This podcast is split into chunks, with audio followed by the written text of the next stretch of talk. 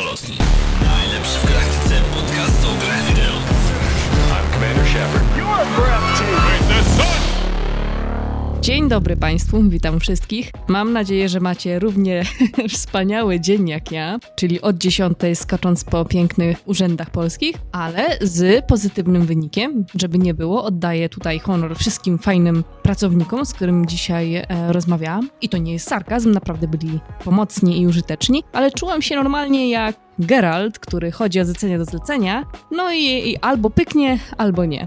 No, a już właśnie celowo wspomniałam o Geralcie, bo jest z nami dzisiaj bardzo ciekawa osoba, która jest właśnie e, autorem filmu o Wiedźminie, czyli filmu Pół wieku poezji później. Powitajmy na scenie Brunona Habryluka. Cześć Brunon, opowiedz nam coś o sobie, jak możesz. Cześć, cześć Brunon. Co mogę powiedzieć o sobie? Nie wiem, jestem scenarzystą filmowym, telewizyjnym, trochę reżyserem, trochę producentem, różne projekty robię. Poza pół wieku poezji później pisałem m.in. też trzeci sezon serialu Wojenne Dziewczyny. Obecnie dużo konsultuję scenariuszy, czyli zgłaszają się do mnie reżyserzy, producenci, którzy by chcieli podszlifować scenariusze, więc tym się zajmuję szlifowaniem dialogów, historii, bohaterów, dbaniem o to, żeby byli wielowymiarowi, więc no to tak w dużym skrócie. O kurczę, Wojenne Dziewczyny, o tym serialu jeszcze nie słyszałam. Mógłbyś uchylić e, trochę rąbka, tajemnicy o tym? W sumie tajemnicy to już wyszło, nie? Tak, znaczy to już jest e, obecnie chyba czwarty sezon jest nagrywany. To jest serial na TVP produkowany przez Axon Studio. Akcja dzieje się w, e, w czasach okupacji w Warszawie. Jest to mniej więcej, można powiedzieć, kontynuacja, ale nie do końca serialu e, Czas Honoru. Kiedy skończył się Czas Honoru, producenci uznali, że chcieliby zrobić coś podobnego, m, tylko że jakby tutaj akcja skupia się na kobietach, które e, brały udział w różnych akcjach walce z okupantami niemieckimi. No, to jest ciekawe ujęcie w sensie tego tematu. Zazwyczaj spotykam się bardziej z perspektywą męską, jeżeli chodzi o takie filmy. Kurczę, słyszałam wiele dobrego o czasie honoru. Miałam to obejrzeć autentycznie i chyba sobie tak przyspieszę, jeżeli chodzi o polskie seriale. Się generalnie bardzo dobrze chyba czas honoru oglądał, w sensie raczej były dobre opinie i chyba oglądalność była całkiem niezła. Ale nie jestem pewien, szczerze powiedziawszy. Czas honoru, z tego co kojarzę, w wielu rankingach jest bardzo dobrze oceniany i chyba na Filmwebie też ma tam dość dobrą ocenę, więc no w realiach polskiego kina, polskiej telewizji, no to myślę, że bardzo dobrze. E, Zazwyczaj rozmawiamy w tym podcaście na temat gier, prawda? O wszystkim, co się łączy z grami, co jest z tym związane. Otóż właśnie jak się dowiedziałam, że stoisz za pół wieku poezji później, bardzo chciałam z tą właśnie podjąć wywiad, żeby cię po prostu zapytać, jak to jest pisać e, o Wiedźminie. Jeszcze właśnie ze strony e, fana, ze stanowiska fana. Tak. Bo rozumiem, że jesteś fanem, prawda? Nie no, ja jestem fanem od dzieciaka. Już w podstawówce czytałem pierwsze, pierwsze opowiadania Wiedźmina, które znalazłem w ogóle w szkolnej bibliotece. Nie wiem skąd się tam wzięły, bo tam naprawdę były dość drastyczne niektóre opowiadania, ale jakby wsiąkłem już, już od wtedy. Później wiadomo, przeczytałem już um, resztę opowiadań. Miałem też jakby numery fantastyki, stare numery, w których pojawiały się te opowiadania po wujku. Przeczytałem też sagę, później grałem w grę oczywiście, więc e, no u mnie ta droga tego jak zacząłem w ogóle, jak wszedłem do tego projektu Pół wieku poezji później, no była dość taka zawiła, bo prawda jest taka, że na początku dołączyłem do tej produkcji e, jako kierownik planu, więc miałem, e, moim zadaniem było ogarnianie ekipy na planie, pilnowanie, żeby wszystko nakręcić od, od A do Z na czas, załatwianie cateringu i tak dalej. I dopiero później, jakby w międzyczasie, po kilku dniach zdjęciowych, kiedy mieliśmy przerwę, wyszło tam w rozmowie z producentami, z reżyserem, że ja piszę też do telewizji różne scenariusze i tak dalej. Wtedy akurat pisałem serial Gliniarze. Na Polsacie nie jest to coś, czym się zwykle chwalę, bo pisałem to pod pseudonimem. Serio? Tak, to jest, to jest generalnie serial e, mniej więcej porównywalny do W11, które kiedyś leciało, więc to jest trochę taki paradokument. Ciężko to nawet nazwać serialem, chociaż są tam bohaterowie, którzy, którzy mają jakby swoje case'y. Ej, ale z tego co słyszałam, W11 to był paradokument, który w miarę trzymał poziom. No nie mówię o tych najnowszych produkcjach, prawda, e, paradokumentów, które Tak. swoim poziomem e, są e, mniejsze niż poziom morza, prawda? Ale kiedyś te paradokumenty miały naprawdę całkiem taki do stolerowania poziom. Więc No, W11 był chyba jednym z pierwszych, jak nie pierwszym, takim serialem paradokumentalnym e, policyjnym, który no jeszcze jakoś bardziej tak trzymał się tego dokumentu i bardziej to było tak robione właśnie na zasadzie, że, że to się dzieje naprawdę i tak dalej. Później już, no wiadomo, pojawiły się różne innego rodzaju jakieś trudne sprawy i tak dalej, których no, nie da się niestety oglądać. A, no ja pisałem gliniarzy przez parę lat, nabyłem myślę dużo warsztatu tam, chociaż pisałem to tak jak mówię pod pseudonimem, no, żeby mieć co wrzucić do garnka i żeby siedzieć w branży i pisać scenariusze cały czas. No więc e, wracając do tematu, em, no jak ekipa się dowiedziała, że piszę scenariusze, to stwierdzi, bo w pewnym momencie stwierdzili, że chcieliby zrealizować trochę dłuższy film, tak, bo pierwotnie jak my, oni zaczynali w ogóle zbiórkę na Polak Potrafi, chyba w 2015 roku, a to pierwotnie to miał być chyba 30-minutowy film. W momencie, kiedy w październiku 2016 roku weszliśmy na plan i nagraliśmy pierwsze zdjęcia, to cały czas był krótki metraż. No i po kilku rozmowach po nakręceniu pierwszej transzy uznaliśmy, że może warto byłoby to rozszerzyć i nie wiem, zrobić 45 minut, godzinę filmu. Dużo pomysłów nam się przewijało, jakby można rozwinąć tę historię, więc wtedy jakby zostałem zaangażowany jako współscenarzysta razem jeszcze właśnie z reżyserem i z Darkiem Gabrielewiczem, z którym pisaliśmy. A, no i zaczęliśmy powoli rozwijać tę historię. Ciężko nawet powiedzieć, kiedy w ogóle skończyło się pisanie scenariusza tego filmu, bo to nie było takie typowe jak, nie wiem, chociażby przy serialu, że jest powiedzmy deadline, kiedy oddaje się, nie wiem, treatment, oddaje się drabinkę, czyli taki szczegółowy opis scen bez dialogów. Później jest przygotowany scenariusz z dialogami, idzie to na, na plan zdjęciowy i później jest to emitowane. Tylko tutaj, e, z racji na to, że to była produkcja, no jednak półprofesjonalna raczej, no na pewno nie w pełni profesjonalna, choć, choć staraliśmy się robić wszystko, co w naszej mocy za taki budżet, jaki mieliśmy, też z racji na to, że ciągnęła nam się ta produkcja, no bo jednak to trwało w sumie 5 lat, 4 lata ponad tworzenie tego filmu, więc no w międzyczasie, jak mieliśmy różne zdjęcia w różnych porach roku, w, w, różnych, w różnych miesiącach, to mieliśmy czasami parę miesięcy na przykład na coś, żeby coś dopisać, że mieliśmy nagrane na przykład parę scen, no i reżyser stwierdzał, Jakub Nożyński, że w sumie brakuje nam tego, może dodajmy tutaj, nie wiem, czarodziejki, które sobie rozmawiają przez portal, nie? Stris Marigold, czy coś takiego, więc, e, więc mieliśmy różnego rodzaju takie, takie rzeczy, więc fabuła nam się rozwijała dość tak, no, że w pewnym momencie nawet ciężko było na tym zapanować. Nie? Bo jeszcze by wam pyknął, e, pyknął na dwie części pewnie, no nie, że e, w sumie e, jak oglądałam ten film, to czułam się jakbym czytała naprawdę takie opowiadanie, które no, mogło wyjść stricte spod ręki e, Sapka na przykład, że oczywiście jako fanka Wiedźmina bardzo podchodzę sceptycznie, no, bo e, uważam, że Wiedźmin to jest no, skarb nasz narodowy, ale chyba większość Polaków i Polek tak uważa, więc bardzo byłam tak sceptycznie nastawiona na tą produkcję, ale pozytywnie się zaskoczyłam. Zwłaszcza kreacja Lamberta, tak e, powiem, że udało się odwzorować charakter. Lambert jest jedną z moich ulubionych postaci, zwłaszcza za ten jego cięty jęzor. No ja przyznam, że ja początkowo też byłem sceptycznie nastawiony, kiedy w ogóle usłyszałem o tej produkcji i jakby pierwsza rzecz, którą usłyszałem jeszcze tam w 2015 roku, jak zbierali środki na film, że Zbigniew Zamachowski zagra Jaskra. No ja osobiście nigdy nie byłem wielkim fanem e, produkcji e, Marka Brodzkiego, tam z 2000 roku, chociaż uważam właśnie kreację e, pana Zamachowskiego i między innymi Michała Żebrowskiego za, za udane, nie? O Jezu, to jest kanon, w sensie... Ja na przykład bardzo cenię sobie e, Henryka z produkcji Netflixowej jako Geralta, ale dla mnie w moim serduszku na zawsze Geraltem i Wiedźminem będzie właśnie Żebrowski. Naprawdę świetnie to Mhm. oddał, przynajmniej dla mnie. No, jestem fan Ger- pana Żebrowskiego, więc Ja myślę, że akurat w tamtej produkcji e, aktorstwo czy, czy generalnie obsada nie była największym problemem, tym raczej problemem były um, no, scenariusz, który dość, dość mocno odbiegał od oryginału i efekty, które tam były, czy, czy charakteryzacja. A, no więc w każdym razie e, początkowo też byłem dość sceptyczny, chociaż później jakby jak wszedłem w to bardziej, to wiadomo, trochę inaczej się wtedy na to patrzy. I też jakby fakt, że u nas Zbigniew Zamachowski miał zagrać Jaskra, ale już takiego po 60, jakby sprawił, że uznałem, że, że w sumie to jest fajny taki easter egg, nie? Nawiązanie do, do starszej produkcji, już w sumie można powiedzieć nie wiem, czy można ją nazwać kultową, ale taką, no, która przeszła, tak jak mówisz, do kanonu, nie? Dobra, to teraz ja mam dwa pytania jako laik i raczej osoba, która z, z filmem nie ma kompletnie nic wspólnego. Pierwsze jest takie, ile osób pracuje na planie, bo tak w mediach i szeroko pojętym internecie to tak kreuje się taki obraz, że poza tymi najważniejszymi aktorami, to tam co najwyżej może operator kamery i to tyle. A drugie pytanie, które mnie bardzo interesuje, to takie może dosyć przyziemne.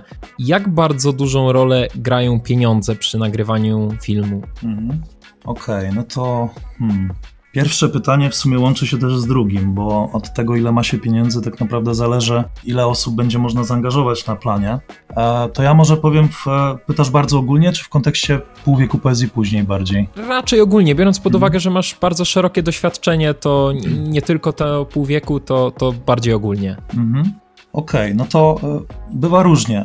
To też zależy właśnie od budżetu i też zależy od tego, czy na przykład to jest film czy serial. I też e, zależy od tego, jak duży to jest na przykład projekt. W sensie, czy na przykład jest to serial, załóżmy sitcom komediowy, czy telenowela, no to wtedy powiedzmy na planie może być 20 parę osób, max, myślę, tak jednocześnie, ale wiadomo, już przy, przy, przy produkcji jakiejś tam bardziej premium, typu załóżmy serial Król teraz, który niedawno wyszedł na Kanal Plus, no to podejrzewam, że tam już mogło być około 50-60 osób, a ze statystami to może nawet ponad setka nieraz. To sporo. U nas przy półwieku poezji później to e, najwięcej chyba mieliśmy w karczmie, e, w scenach w karczmie i w scenach w wiosce, a to tam mieliśmy około 80 chyba osób w jednym momencie, w jednym dniu łącznie.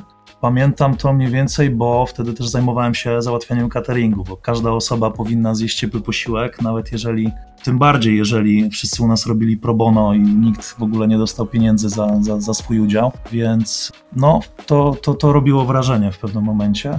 Jeśli chodzi o budżet, w sensie y, zadałeś pytanie y, o budżet, czy y, jaką to ma Czy jak bardzo dużą rolę po prostu gra? Czy to jest tak, że od pieniędzy jest zależne absolutnie wszystko, czy nie do końca? To tak. No generalnie powiem tak. Podstawową umiejętnością, myślę, jaką e, scenarzysta powinien się nauczyć, poza oczywiście pisaniem, formatowaniem scenariusza, jest też pisanie tanio.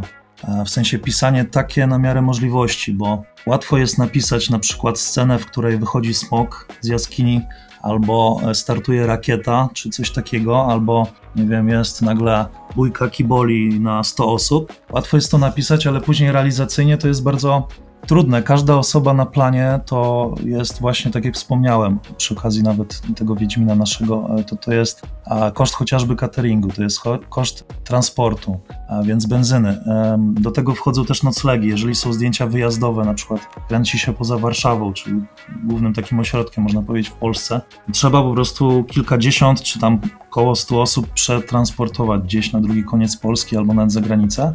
To już są kolejne koszta, no i do tego wchodzi też koszt wynajem sprzętu, lokacji. To naprawdę są nieraz kwoty rzędu kilkunastu, kilku, kilkudziesięciu tysięcy złotych za sam jeden dzień zdjęciowy, za wynajem sprzętu typu kamera, oświetlenie i tak więc to też zależy od tego właśnie, co się robi, bo można oczywiście zrobić e, film pełnometrażowy po kosztach, i nie wiem, sprawić, że dzień zdjęciowy będzie kosztował na przykład 1000 zł, weźmie się po prostu kamerę od znajomego albo dogada się z jakimś rentalem wynajmującym kamerę, żeby jakoś w barterze czy w ramach promocji coś pożyczyć. Aktorów, tak jak u nas przy półwieku poezji później, weźmie się wszystkich za darmo, ekipę za darmo, więc wtedy można zrobić film pełnometrażowy za 100 tysięcy, nawet fantazy, tak jak my zrobiliśmy. Chociaż przyznam, że nie polecam takiej drogi innym osobom, które by chciały kiedyś robić film pełnometrażowy. Mówię to jakby już po, po fakcie, bo na początku, kiedy doszedłem do ekipy, to oczywiście o tym nie wiedziałem, no ale to jest karkołomne. Więc prawda jest taka, że im więcej, e, im więcej ma się środków, tym po prostu łatwiej. Można, e, nie trzeba rezygnować z wielu rzeczy, można po prostu jakby pozwolić wizji, którą się ma. Większa swoboda po prostu. Górnolotny. I'm Commander Shepard. You are breathtaking. The sun! To mi nachodzi kolejne pytanie, bo e, wspominałeś o ogromnych kosztach i e, że to wszystko jest w sumie bardzo skomplikowane i to się działo jeszcze przed na przykład sytuacją pandemiczną, bo wcześniej nie było tych różnych nakazów jak noszenie maseczek, rękawiczek. Mm. Jak w tym momencie radzi sobie, że tak powiem, przemysł filmowy, bo robisz scenariusze zarówno do filmu, tak? Jak mówiłeś, że teraz jesteś aktualnie, pracujesz przy kilku Mhm. projektach, jak sobie radzicie z tą sytuacją pandemiczną? To znaczy, ja bardziej powiem z perspektywy scenarzysty. Jakby mam, mam znajomych, którzy pracują na stałe jako reżyserzy, operatorzy, czy przy kostiumach i tak dalej. No na pewno jest to, jest to bardzo zauważalne, szczególnie jak były takie momenty, gdzie był zupełny lockdown wiosną zeszłego roku, gdzie w ogóle praktycznie kręcenie filmów było niemożliwe i każdy, kto w ogóle próbował wejść na plan filmowy, to był od razu jakby stygmatyzowany. Teraz mam wrażenie, że trochę już myślenie o, jakby tej pandemii powoli się zmienia, ale jakby dalej jest to, dalej jest to dość mocno szkodliwe dla, dla całej branży. No mogę podać jeden przykład, e, bo jestem obecnie w, w trakcie produkcji e, krótkiego metrażu pod tytułem Młyn, do którego też właśnie pisałem scenariusz i jesienią mieliśmy zdjęcia, e, kilka dni zdjęciowych a pod Radomiem. No i w pewnym momencie niestety okazało się, że jeden z aktorów, młodszy chłopak, który miał u nas grać, e, który zagrał już u nas jeden dzień zdjęciowy. Okazało się, że bardzo możliwe, że jest zarażony, że, bo kilka dni wcześniej grał na planie serialu, w którym aktor e, miał COVID. No więc e, jakby zrobiliśmy, zrobiliśmy zebranie wszystkich jakby członków tam pionu produkcyjnego i dyskutowaliśmy całą noc, co zrobić. No bo mamy tu już środki zaangażowane, ludzie już przyjechali, ściągnęliśmy kilkadziesiąt osób pod radą i co robić? No i jakby nie było wyjścia, musieliśmy odwołać całe zdjęcia, z racji na to, że chociażby nawet gdybyśmy przeprowadzili testy temu dziecku, to i tak byśmy musieli czekać parę dni, czyli tyle, ile trwał nasz plan zdjęciowy.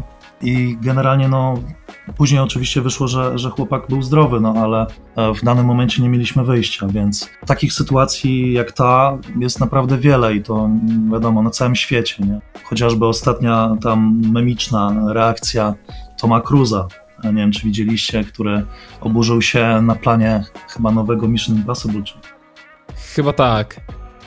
Coś, coś kojarzę.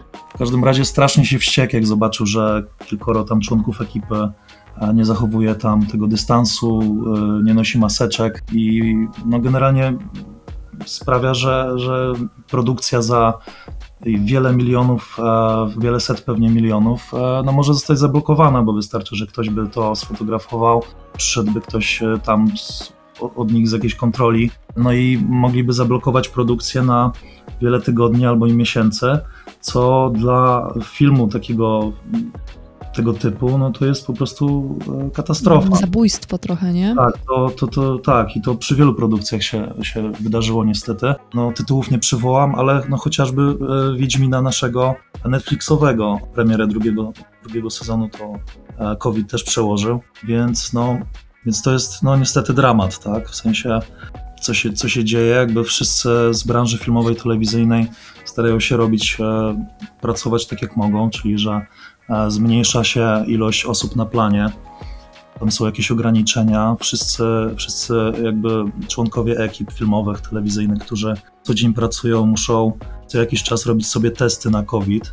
Więc jest to, jest to jakby pilnowane, no ale wystarczy, że jedna osoba ma podejrzenie COVID-u, już coś może być zablokowane, albo ktoś pójdzie, trafi na kwarantannę. Na przykład, nie wiem, jakiś dźwiękowiec, który pracuje na planie, będzie miał podejrzenie COVID-u. Załóżmy, że ma zaplanowane na miesiąc kilka produkcji, w których pracuje, no i musi to zrzucić, bo, bo przez parę tygodni musi siedzieć w domu, nie? Więc no, nieciekawa sytuacja, ale wydaje mi się, że powoli, powoli jakby się to zmienia, powoli.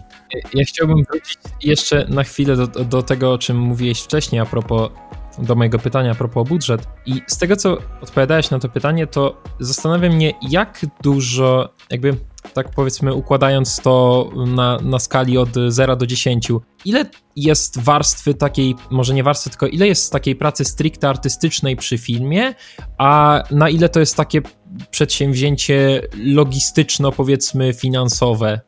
To znaczy, wydaje mi się, że najbardziej artystyczne myślenie o filmie, o danej produkcji przeważnie jest przed zdjęciami. Przynajmniej jeśli chodzi o scenariusz, wtedy też powstają jakby kostiumy, scenografia, to, to wszystko jakby się wtedy konstruuje. Reżyser z operatorem pracują na storyboardach, robią jakieś animatiki, robią próbne zdjęcia, na których testują sobie lokacje, próbują z aktorami różne sceny, sprawdzają, czy dialogi działają, czy nie.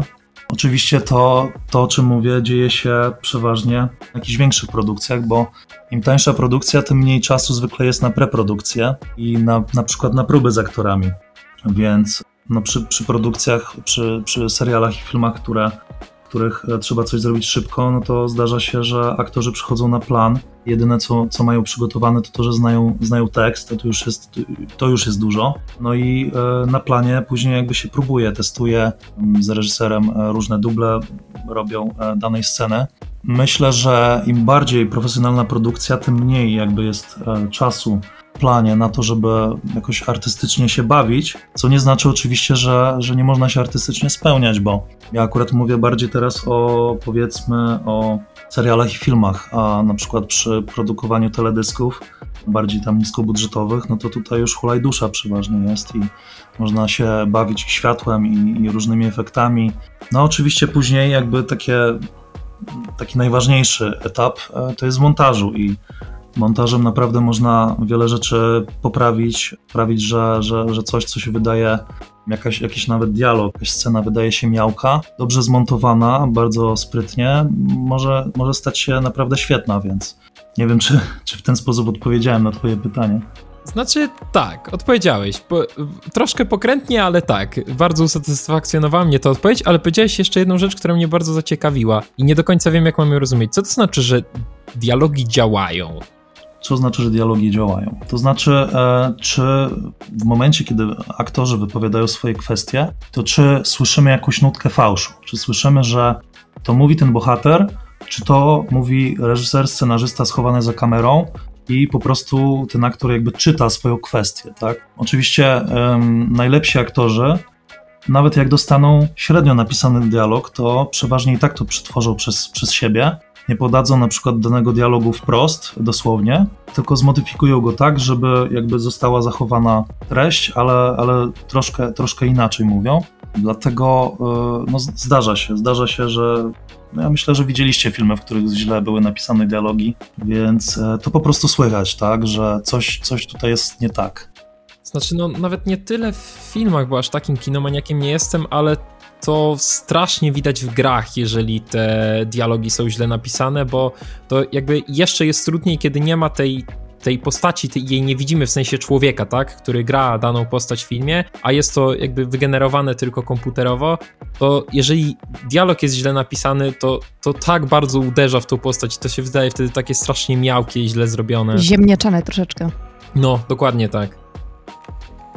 To jest bardzo łatwo odczuć. No tak, dlatego ja jestem zwolennikiem um, szlifowania dialogów jak, jak najdłużej się da, nie? I nie zawsze jest na to czas, bo to zależy jak, jakie, jakie produkcje. Jak pisałem do, do telewizji, to rzadko kiedy miałem czas, żeby siedzieć godzinami szlifować jakiś dialog, chyba że producent i reżyser e, ze mną si siadali, czy, czy wysyłali mi uwagi i wtedy się szlifowało. Ale w telewizji to chyba jest jakiś duży przemiał, jeśli o to chodzi, nie? No jest dość spory, w sensie bardzo szybko, często jakby to też jest związane z budżetem, czyli że tutaj akurat mówię bardziej o serialach codziennych, czyli nie wiem, seriale obyczajowe, komediowe, które lecą w telewizji, czy kryminalne, ale nie, nie takie do końca premium. Przy serialach premium, czyli tych powiedzmy z górnej półki, już jest trochę inaczej. Tutaj często jakby można sobie poświęcić wiele miesięcy na to, że się szlifuje, wynajmuje się skrypt doktorów, konsultantów scenariuszowych, którzy... Czekaj, czekaj, skrypt doktorów?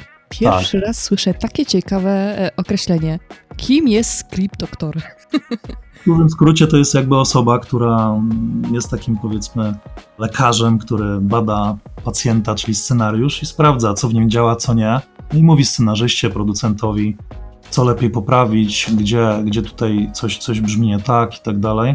Ja, to, ja, to, ja tego określenia używam naprzemiennie z e, konsultantem scenariuszowym. Myślę, że to jest bardzo podobne. Script Doctor często jest osobą, która nie pojawia się w napisach jako tam współautor scenariusza, tylko jest takim powiedzmy. Technicznym bardziej, nie? W sensie tak. osobą odpowiadającą za bardziej techniczne rzeczy. Tak, tak na przykład za strukturę, że powiedzmy w złym momencie jest punkt zwrotny, więc albo właśnie niedoszlifowane dialogi. Trochę jak edytor przy na przykład tekstach literackich albo Tak. generalnie przy książkach. Tak, to jest taka trochę forma redaktora. Więc o ile na przykład przy większych produkcjach albo nawet przy filmach pełnometrażowych, teraz w ogóle w Polsce od jakiegoś czasu, szczególnie przy filmach, które dostają dofinansowanie z Instytutu Sztuki Filmowej, jest po prostu wymagane, żeby przy scenariuszach pracowali jacyś konsultanci, skrypt doktorzy. Musi być na to przeznaczony odpowiedni budżet, więc jakby przy większych produkcjach się o to dba, żeby, żeby na przykład dialogi były odpowiednio dopracowane. Szlifuje się dialogi na różne sposoby. Czyta się je na głos z aktorami lub samodzielnie. Dużo zależy też od, od tego, e, czy ktoś ma słuch do dialogu, bo są, są tacy autorzy, którzy po prostu źle piszą dialogi albo albo radzą sobie na przykład z określoną częścią dialogów, a dobrze, ale na przykład, na przykład z dialogami, nie wiem, historycznymi, ale zupełnie nie potrafią, na przykład nie, nie, nie czają w ogóle slangu młodzieżowego i w ogóle nie potrafią pisać wiarygodnego godnego dialogu między na przykład nastolatkami, nie? Więc... Ojejku, e, co do slangu młodzieżowego. Ostatnio czytałam mema, gdzie jakaś babeczka, jakaś pani profesor czy nauczycielka mówiła, że trzy godziny analizowała różnicę między XD, małym XD, dużym X, małym D i w sumie to jest bardzo istotne rozumieć różnice w tych emotkach, bo każda wyraża co innego, no nie? Ach, ta młodzież. To tak jak ta akcja z profesorami, co się chcieli wbić do grupek na Messengerze, żeby... Co ty gadasz? No nie, nie wierzę, że cię ominęło to. No nie! No nie wiem, opowiadaj. Napra... Nie, no dobra, okej, to jest historia za milion dolarów w Polsce.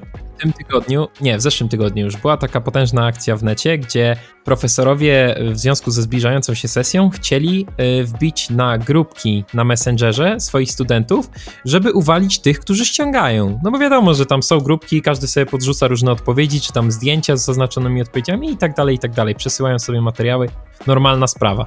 I wyszło na to, że y, tak chcieli zrobić, a dlaczego to wyszło? Bo zrobili to zajebiście nieudolnie. Na przykład jedna, na jednym z uniwersytetów y, na swojej grupce zadano pytanie, czy was wszystkich dodał do znajomych jakiś Arkadiusz przez SH było pisane Stick, czyli Arkadiusz Kijek. Po czym zaczęli szukać na swoim uniwersytecie i tak, mieli chłopa, profesora, który się nazywał Arkadiusz Kijek. Także no, w kwestii rozumienia slangu i pewnych zachowań młodzieży, to faktycznie mam wrażenie, że duża część ludzi się, szczególnie tych starszych, nie odnajduje. O, delikatnie rzecz. Mission failed.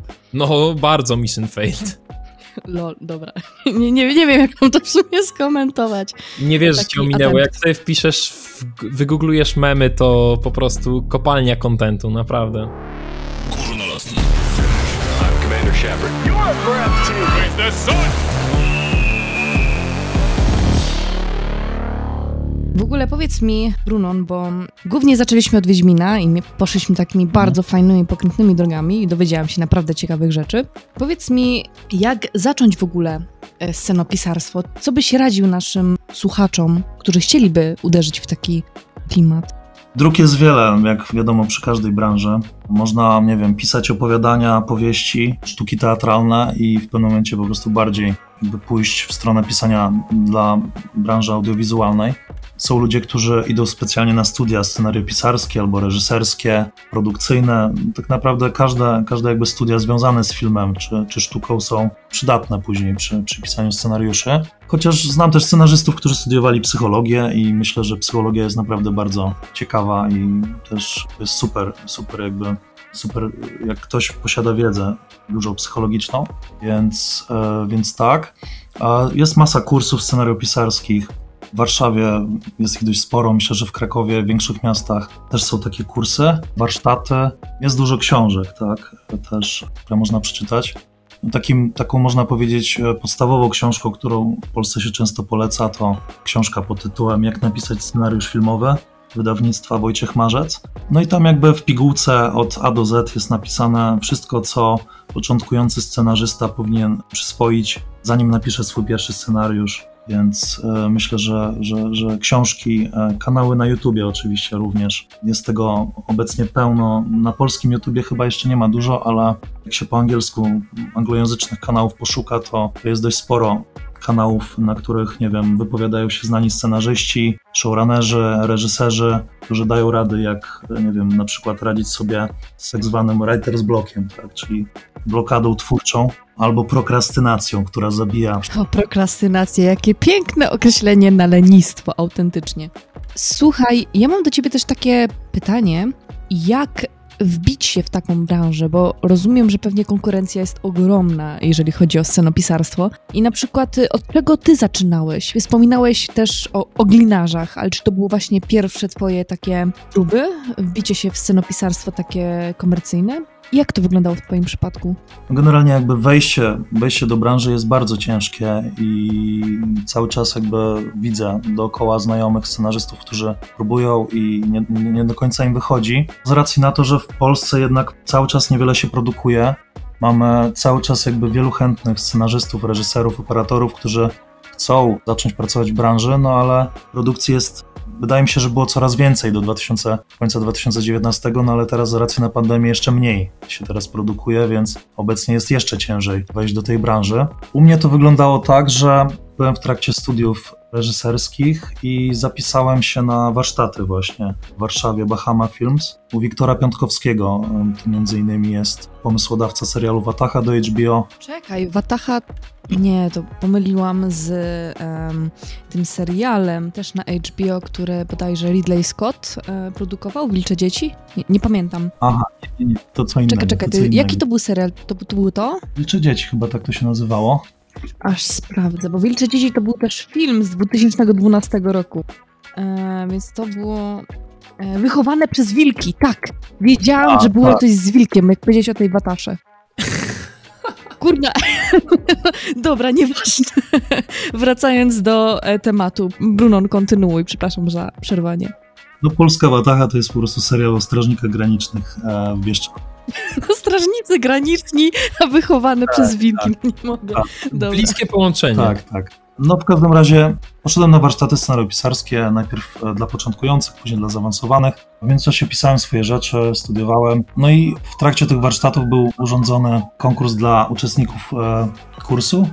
No i tam zająłem jakieś miejsce, zostałem dostrzeżony przez właśnie układowcę. No i jakoś rok, dwa lata później pracowałem u niego jako stażysta, więc tam pomagałem mu po prostu przy szlifowaniu scenariuszy, czytałem z nim różne teksty i tak dalej, trochę przy warsztatach. No i w pewnym momencie, jak się okazało, że ma powstać serial e, właśnie dla Pulsatu Gliniarze, no to wziął mnie do tego po prostu, bo już wiedział jak piszę i czuł po prostu, że, że, że dam radę przy tym.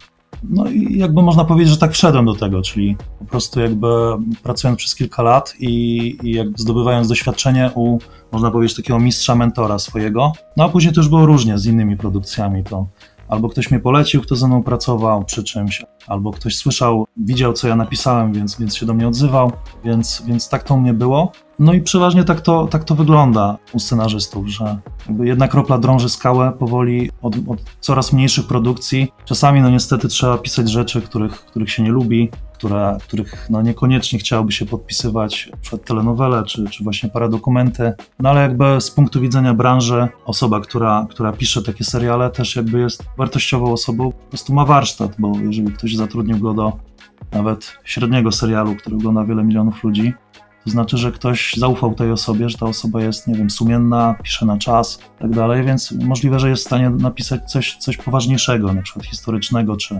science fiction na przykład. Dobra.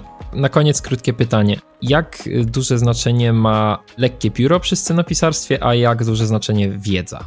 Obie te cechy są ważne, tak? Tylko, że ogólna wiedza, ogólną wiedzę można zawsze zdobyć po prostu robiąc research. I prawda jest taka, że nieważne co się pisze, można, nie wiem, nawet wymyślić sobie, że się napisze coś dziejącego się, nie wiem, w XVIII wieku. No i wiadomo, że jeżeli ktoś się za to weźmie, nawet mając lekkie pióro, ale nie znając zupełnie jakby realiów tych, tej epoki, no to napisze coś średnio. Więc jakby podstawą przed każdym w ogóle zaczęciem pisania jest zrobienie dokumentacji, przeczytanie o, o danej epoce, czy, czy o danej kulturze, pojeżdżenie też trochę po świecie, y, czy roz, porozmawianie na przykład, jak się pisze kryminalny serial, to dobrze jest porozmawiać z policjantami, którzy pracują na przykład w Wydziale Zabójstw, żeby się dowiedzieć na przykład, jakiego słownictwa używają, jak to wygląda, prowadzenie śledztwa krok po kroku i tak dalej. A z lekkim piórem to już jest różnie, bo mówi się, że, że pisania jakby można się nauczyć, ale lekkie pióro albo się ma, albo nie. Szczególnie lekkie pióro przydaje się przy pisaniu dialogów, bo jakby scenariusz tak formalnie, jak się spojrzy na scenariusz, tak naprawdę to są niewiele literek zapisanych na białej kartce papieru. Nawet jest takie powiedzenie, że jak się patrzy na stronę scenariusza, to lepiej jak jest więcej białego niż czarnego. Tak naprawdę ważne są tylko te didaskalia, czyli akcja, bohaterowie co robią w danej scenie, no i dialogi. I nie ma sensu pisać bujnie, nie ma sensu w scenariuszu pisać jakby rozbudowanych akapitów, oczarowywać jakby czytelnika swoim słownictwem i tak dalej, bo później tak tego jakby kamera nie zobaczy. Ważne w scenariuszu jest to, żeby umieć pisać, umieć dobrze skonstruować historię i umieć pisać obrazowo, czyli że umieć na przykład zamiast dwóch grubych akapitów ująć coś w jednym zdaniu, ale użyć takiego jakby sformułowania, które sprawi, że reżyser czy producent, którzy to będą czytali po raz pierwszy, wyobrażał sobie na przykład rozgwieżdżone niebo, nie? a bez opisywania tam detali. Lekkie pióro zawsze się przypisuje przy pisaniu, oczywiście. No. No dobrze, tym sposobem dobijamy do brzegu. Pogadaliśmy sobie w bardzo miłym towarzystwie o filmie i o scenopisarstwie w dużej mierze i oczywiście trochę o Wiedźminie, bo odcinek bez Wiedźmina to nie odcinek. To odcinek stracony. Dokładnie tak. Więc cóż, dziękujemy Wam bardzo za odsłuchanie. No i dziękujemy też Tobie, Bruno, za przyjście tutaj i udzielenie nam właśnie tego wywiadu. Ja dziękuję za zaproszenie. No, jak to mówi Geralt, w takim razie bywaj. Do usłyszenia. Górnolotni.